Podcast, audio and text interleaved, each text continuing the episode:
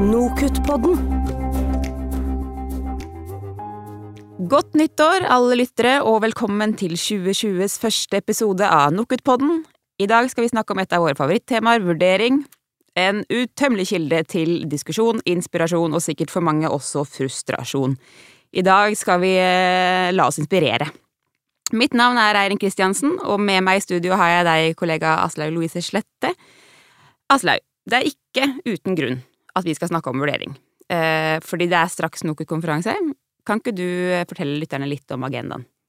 Jo, temaet for eh, NOKUT-konferansen er vurdering, eller faktisk revurdering. Der skal det handle om hvorfor vi har eksamen, hvordan vurdering henger sammen med andre komponenter i en studieplan, vurderingskompetanse, ulike vurderingspraksiser og en karakterdebatt. Det blir en vurderingsfest, rett og slett. Og en av foredragsholderne på konferansen er Arild Råheim, eh, professor i universitetspedagogikk ved Universitetet i Bergen. Han er også vår gjest i dag, og med oss på Skype. Hei, Arild! Hei, hei, og godt nyttår. Godt nyttår. Godt nyttår. Arild, i dag har vi et lite vurderingsvorspill, hvor vi skal få en smakebit på og utdype det du skal snakke om på konferansen. Eh, Og vi skal snakke om hvordan undervisere kan velge gode nei, vurderingsformer, og hvilke implikasjoner dette har for, for valg av undervisnings- og læringsformer og læringsutbytte. Men eh, vi kan eh, ta et lite skritt tilbake og spørre deg hvor, hvordan ble du så interessert i vurdering, egentlig? Ja, det, jeg, det er en lang historie, egentlig. Men, eh, men jeg startet å undervise på introduksjonsstudier i psykologi for mange mange år siden. Over 40 år siden. Og da opplevde jeg at veldig mange studenter slet med å takle eksamen. Det var mye nervøsitet for eksamen, mange som hadde store problemer med å sove, folk som kastet opp. altså Det var, det var utrolige eh, eh, historier som de kom til meg med. Eh, og Samtidig var det et kolossalt press på studentene om å gjøre det godt på eksamen for å komme inn i profesjonsstudiet psykologi. Og Det førte til at jeg tenkte at noen er jo nødt til å interessere seg for dette. Eh, vi må gjøre noe med denne situasjonen. Så det var egentlig sånn det hele startet.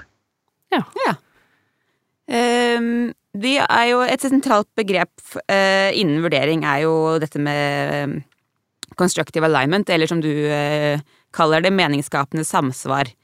Uh, hva er det du legger i det begrepet? Kan ikke du dra oss igjennom det? Jo, altså det, det som er utrolig viktig, det er at eh, den vurderingen som vi gjør av studentene, de vurderingsformene som vi bruker, at det er meningsfullt i forhold til det vi sier i læringsutbyttebeskrivelsene våre. Nå er jo det veldig positivt at vi har eh, fått læringsutbyttebeskrivelser som sier noe om hvordan, hvor mye og hvilke ting eh, kandidatene og studentene skal kunne etter et program er ferdig og etter et emne er ferdig.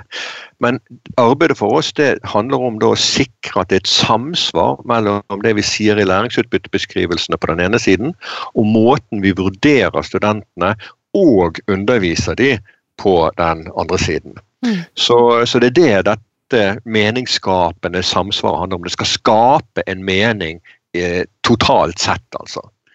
Ja. Så Mm. da må altså undervisning, vurdering og må det henge i hopes? Og, Ja. og- ja. Ja, og, og, og undervisning det handler jo ikke bare om eh, hva vi som undervisere presenterer studentene for, men det handler òg om det studentene sjøl skal gjøre. Så, så egentlig så er det undervisnings- og læringsformene Mm. som da òg må stå i samsvar med vurderingsformen og det som sies i læringsutbyttene.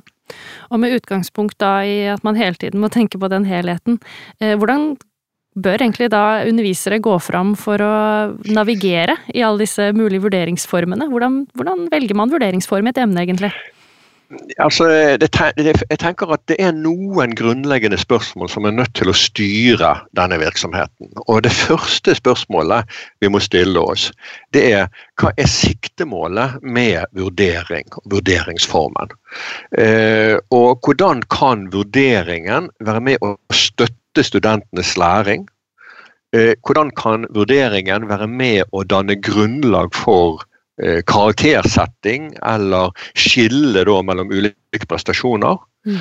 Og eh, punkt tre, hvordan kan vurderingen og vurderingsformen være med å utstyre studentene med kunnskaper og ferdigheter som er viktige med tanke på fremtidig læring og vurdering? Altså, eh, vurdering av egen kompetanse i lys av nye utfordringer. Disse tre eh, spørsmålene må være det som bestemmer eh, vurderingsformen. Selvfølgelig sett opp mot det vi eh, sier i læringsutbyttebeskrivelsene.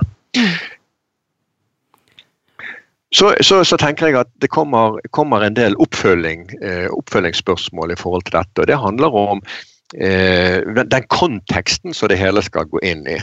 Eh, hvilket nivå befinner studentene seg på? Hva er de institusjonelle rammebetingelsene? Hva sier lovverket? Eh, hva er faget og emnets plass i det totale programmet osv.? Det er klart at en del sånne ting kommer inn eh, i etterkant, eller som òg viktig. Men det viktigste er disse første spørsmålene. Mm. Ja, det høres jo ganske komplekst ut når man begynner å, å, gå, å, gå, inn i det. Og det er kanskje derfor du har skrevet en bok eh, om alternative vurderingsformer, som eh, nettopp kom ut i en ny eh, utgave. Eh, kanskje noen kjenner den ved navnet Eksamensrevolusjonen der du trekker fram 40 alternative vurderingsformer. Og det er jo spennende, fordi det vil jo variere, eh, tenker vi, fra fagfelt til fagfelt og eh, ja, i forhold til tradisjoner og så videre. Ehm, hvorvidt da eh, en vurderingsform er, er, på en måte alternativ, eller om den for noen virker da naturlig. Og det kan også være sånn selvfølgelig at ehm, enkelte vurderingsformer sikkert også funker bra som undervisningsform. Eh, og vi kan jo ikke ta for oss alle disse 40, selvfølgelig, men vi har plukket ut noen eksempler. Og vi tenkte, tenkte at vi skulle starte med noe nærliggende, altså den velkjente skriftlige skoleeksamen. Og her har du eh, noen forslag. For eksempel så eh, har vi dette alternativet med skoleeksamen med tilgang til alle kilder den er litt annerledes enn en, nei, en vanlig eh, skriftlig skoleeksamen. Og hva, hva, legger du i dette med, med tilgang til alle kilder?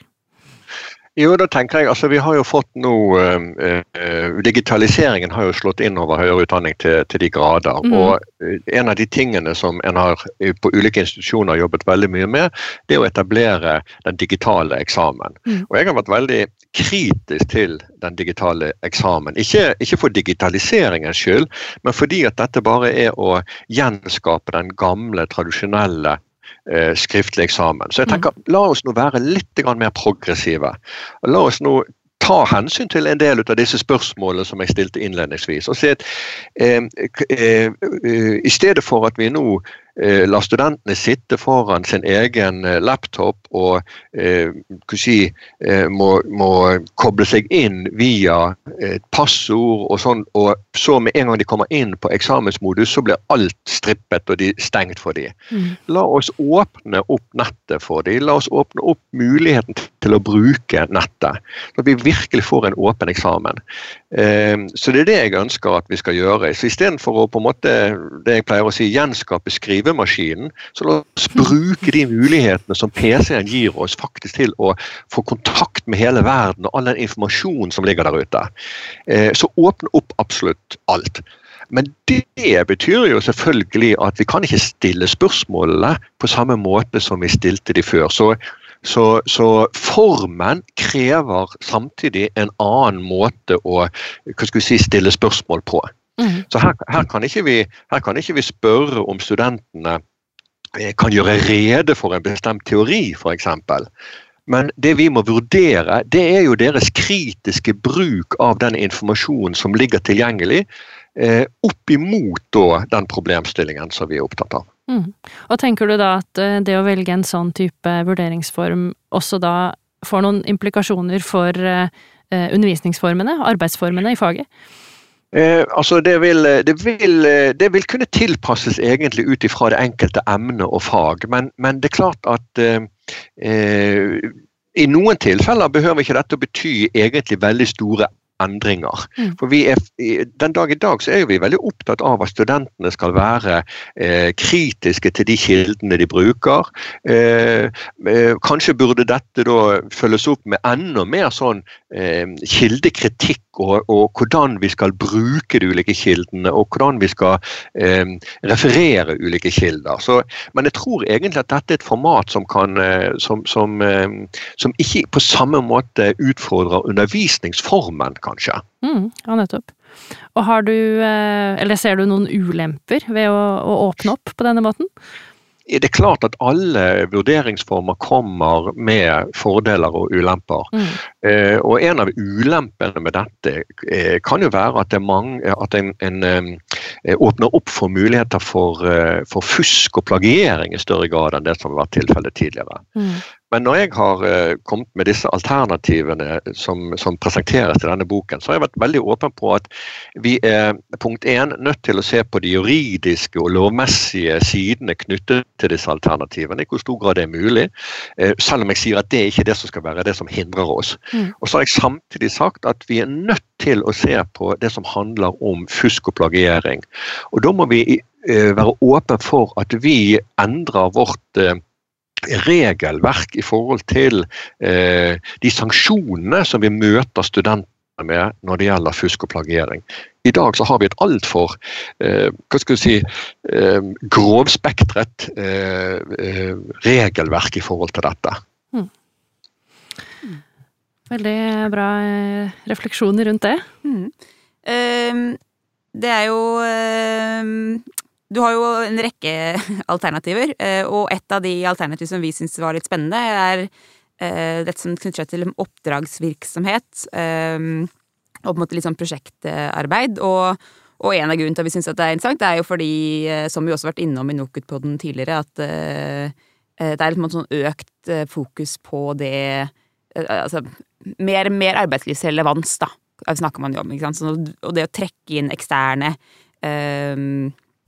Eh, bedrifter, personer, et eller annet eh, inn i undervisningen. Og da er jo på en måte oppdragsvirksomhet en sånn vurderingsform som, som nettopp kobler eh, eksterne til vurdering. Kan du fortelle litt hva er det du Kan du beskrive den vurderingsformen litt for oss? Ja, altså jeg tenker, jeg tenker mange, mange, fag rundt omkring på universitet og høyskoler de har jo kontakt med ulike organisasjoner organisasjoner, bedrifter eh, utenfor universitetet. Og det jeg tenker er i hvor stor grad, eller Hvorfor kan ikke vi ta og benytte den muligheten som ligger i den kontakten? Eh, eh, og du kan si Det vi er dyktige på på universitetet, vi som undervisere og våre studenter, det er jo i det å eh, eh søke informasjon, systematisere informasjon, organisere og si noe om hvordan denne informasjonen eh, kan brukes i ulike kontekster. Og vi er dyktige på å eh, oppsummere forskning og, og eh, si noe om hva som er relevant å forske på. Mange eh, organisasjoner utenfor universitetet de har ingen egen forskningsavdeling, men de er opptatt av ny kunnskap og være oppdatert på ny kunnskap. Så jeg ser for meg at en sånn vurderingsform kunne rett og slett være at studenter, kanskje til og med helt ned på bachelornivå, fikk et oppdrag av en bedrift eller organisasjon om å utrede en bestemt problemstilling. Eh, og den, den, Utredningen kunne jo f.eks. være at en skulle da systematisere den kunnskapen som er, den forskningsbaserte kunnskapen som er knyttet til denne problemstillingen. Eh, det kunne være litteratursøk, det kunne være oppsummering av forskning. og så, legger, så, skriver studentene en rapport, og så legger de dette frem for den bedriften eller organisasjonen. Og så er det organisasjonen, bedriften, som gir tilbakemelding og kommentarer på dette. Og det er da den vurderingen som skjer. Så, så, eh, og det gjør at eh, den læringen som skjer på universitetet, den blir da mer relevant og i forhold til den virksomheten studentene eh, skal ut og utøve når de er ferdig. Hmm. Jeg ser for meg at det kan være et ganske godt alternativ til til det å innføre sånn praksisordninger da, i veldig mange fag, for det kan jo være ressurskrevende eller vanskelig å få til, men her er jo på en måte en annen eh, måte å, å, trekke på arbeidslivet på, enn å nødvendigvis ja. sende de ut på samme måte. Ja, absolutt. Og, og, jeg kjenner jo til at, uh, at dette skjer i en, uh, en viss utstrekning. F.eks. så vet jeg at uh, mine kolleger på Handelshøyskolen de har kurser hvor de har et nært samarbeid med næringslivet og ulike organisasjoner. og Der er det ofte òg slik at studentene gjør en eller annen type si, prosjekt for arbeidsplassen. Men det som er det interessante, det er at Og de, og de har til og med da, altså veiledere ute i eh, bedriftene og organisasjonene som gir tilbakemelding på studentenes arbeid. Men det som er det interessante å se når det kommer til vurdering, det er at da ser en bort fra absolutt alt dette. Og så må studentene ta en fire timers skriftlig eksamen. Det er jo helt meningsløst, tenker jeg, for alt arbeidet ligger jo i dette. Og de har hatt tilbakemelding fra vurderende. Kan ikke dette være vurderingen? Så, så, så det å ta skrittet, ta et, gå et lite ekstra skritt og, i forhold til der en allerede er i noen eh, sammenhenger. Mm. Så da, for Hvis man da har eh, denne her type prosjekter, da, og så avslutter man med en fire timers skoleeksamen, så bryter det kanskje litt med det eh, samsvaret? Som ja, det er det det gjør. Eh, og, og, og, jeg har lurt mange ganger på hvorfor i all verden er dette?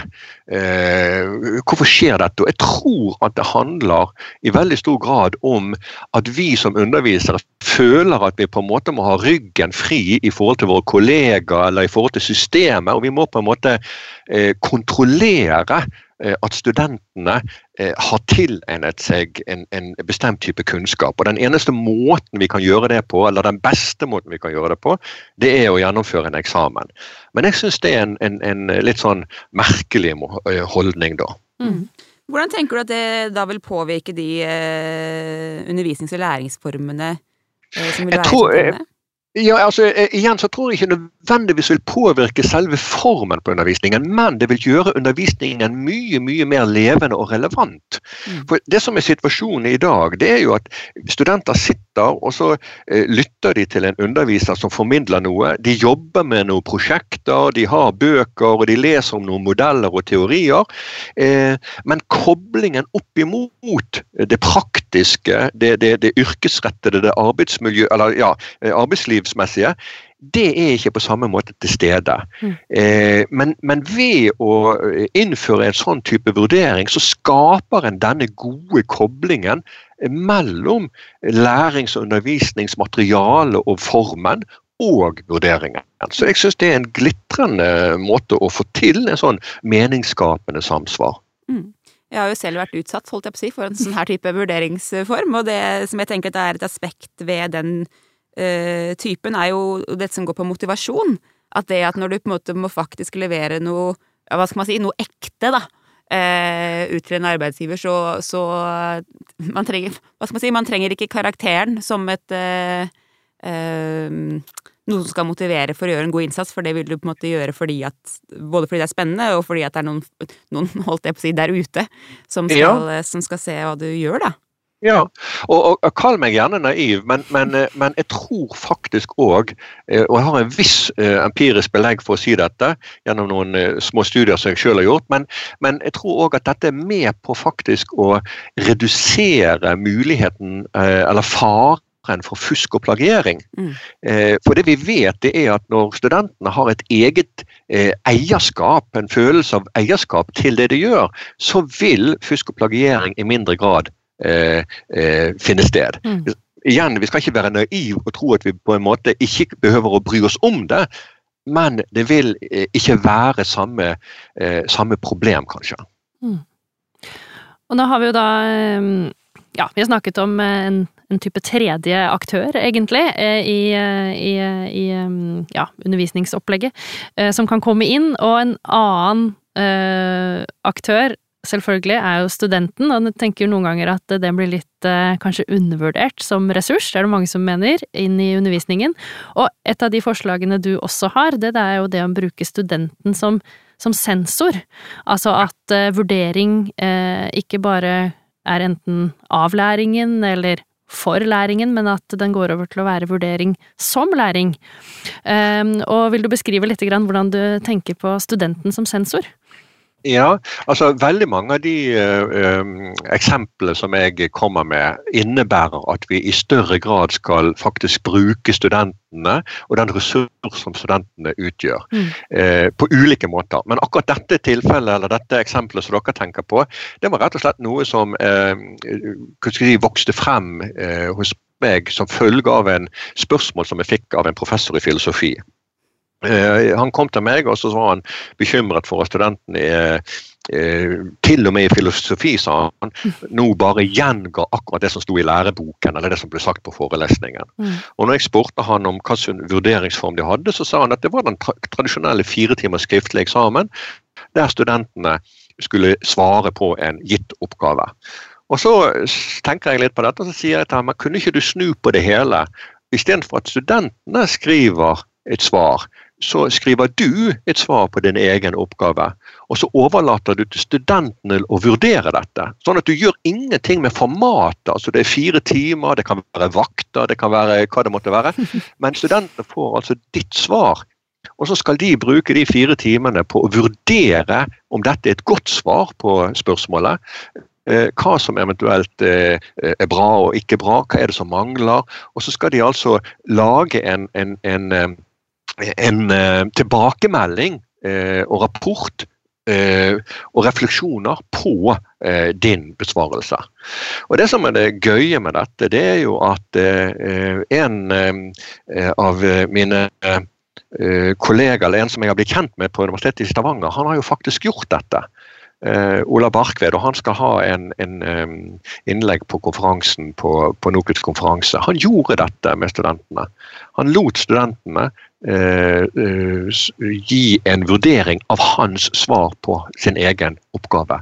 Og Hans tilbakemelding var jo at punkt 1, studentene, de, de, vurderingene som studentene kom med, var jo helt fantastiske. Han har ikke sett maken til kvalitet. Og det andre han sa, det var jo at han som underviser fikk vanvittig god tilbakemelding på opplegget. Mer bedre enn han noen gang hadde hatt. Så det viser at dette er noe som engasjerer og skaper eh, interesse hos studenter òg. Og det er en måte å teste studentenes evne til å vurdere deres kritiske vurdering, og ikke bare i hvor stor grad de er i stand til å gulpe opp igjen noe som sto i en bok. Ja, for de må jo ha... Er, ja, hvis det, hvis, hvis det, er det vi sier i læringsutbyttebeskrivelsene våre, at vi ønsker at studentene skal kunne være eh, kritisk, reflektere, eh, besk, eh, så må vi altså legge opp til vurderingsformer som gir dem muligheten for å gjøre det. Mm. Ja, for det krever jo masse av dem. Det krever en kjempeoversikt over faget. Ja, ja, ja, ja, de, ja, de har masse kunnskaper i faget men de må i tillegg altså være i stand til å reflektere. Mm. Så jeg opplever at veldig mange av de vurderingsformene vi bruker i dag, og spesielt den tradisjonelle eksamen, det er jo å frarøve studentene eh, muligheter til å vise hva de kan.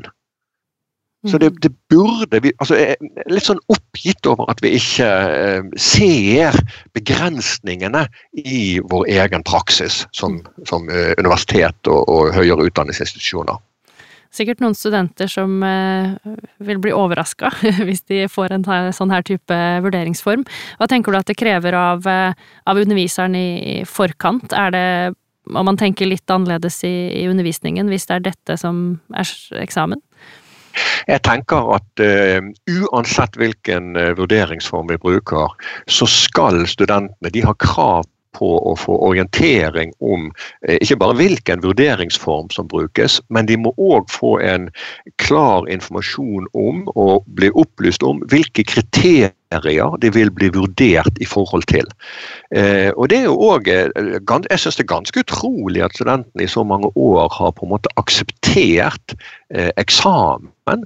Og det å, å, nærmest eh, få så lite informasjon som de får, og hvor alle kriteriene for vurdering nærmest er skjult for studentene.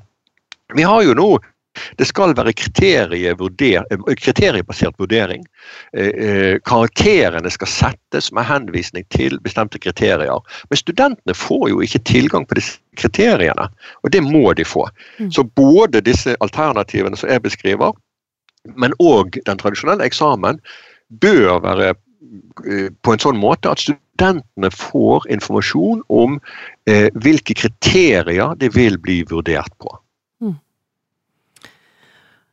Vi eh, er jo nå åpenbart eh, inspirert, eh, og vi håper vi har inspirert mange av underviserne der ute til å, å tenke nytt om eh, vurderingsformene som de bruker, og det meningsskapende samsvaret de også må tenke på. Har du noen gode råd til, eh, til de som underviser, eh, hvordan de eventuelt skal starte opp hvis de nå begynner å tenke på å re revurdere sine vurderingsformer? Um, ja, altså hvor gode de rådene er, det, det er jeg litt sånn usikker på. Men, men, jeg tenker ikke som underviser, ikke tenk begrensninger. Mm. Ikke tenk først og fremst på at ting ikke er mulig å få til, at det tar for lang tid osv. Gå i gang. Uh, sett i gang, prøv ut. Uh, og heller få tillatelse og tilgivelse i ettertid. Uh, mm. Det er liksom denne um, Og kanskje ikke diskutere for mye med kollegaer, men bare sett i gang og gjør noe. Ja. ja. ja det, er et, det, er definitivt et sted å, å starte. Eh, det er jo denne boka de har jo eh, en I tillegg da, til 40 alternative vurderingsformer, så er det jo en, en, eh, ganske god innføring i hvordan man kan tenke rundt, rundt undervisning og vurdering. Så jeg, jeg vil absolutt vil anbefale folket der ute å, å lese. Og, og, det var jo veldig mange nei, vurderingsformler som vi hadde lyst eh, til å ta tak i. Og mange av de kan jo også brukes, eh, tenker vi, som, som undervisningsformer. Så, eh, men vi kan jo ikke snakke om de alle her, det har vi ikke tid til. Så vi må bare anbefale folk å, å la seg inspirere og på en måte bla gjennom. Og det er jo befriende korte forklaringer på, på de ulike vurderingsformene, så det er veldig enkelt å, å, å sette seg inn i de. Eh, vi, må, vi, må, runde av her, eh, og vi gleder oss jo veldig til å høre mer om dette på konferansen, som er 30. januar. Eh, og det kan jo være at vi ser noen av lytterne der. Eh, I februar så er vi tilbake med en ny episode. Eh, og da skal man ikke se bort ifra at det kommer et lite vurderingsnachspiel også. Uh, og i mellomtiden så kan dere kose dere med flere episoder fra arkivet om uh, vurdering, nemlig den om medforskning som vurderingsform, og den som rett og slett heter Den om vurdering, men som i utgangspunktet handler om hvordan man lager gode eksamensoppgaver.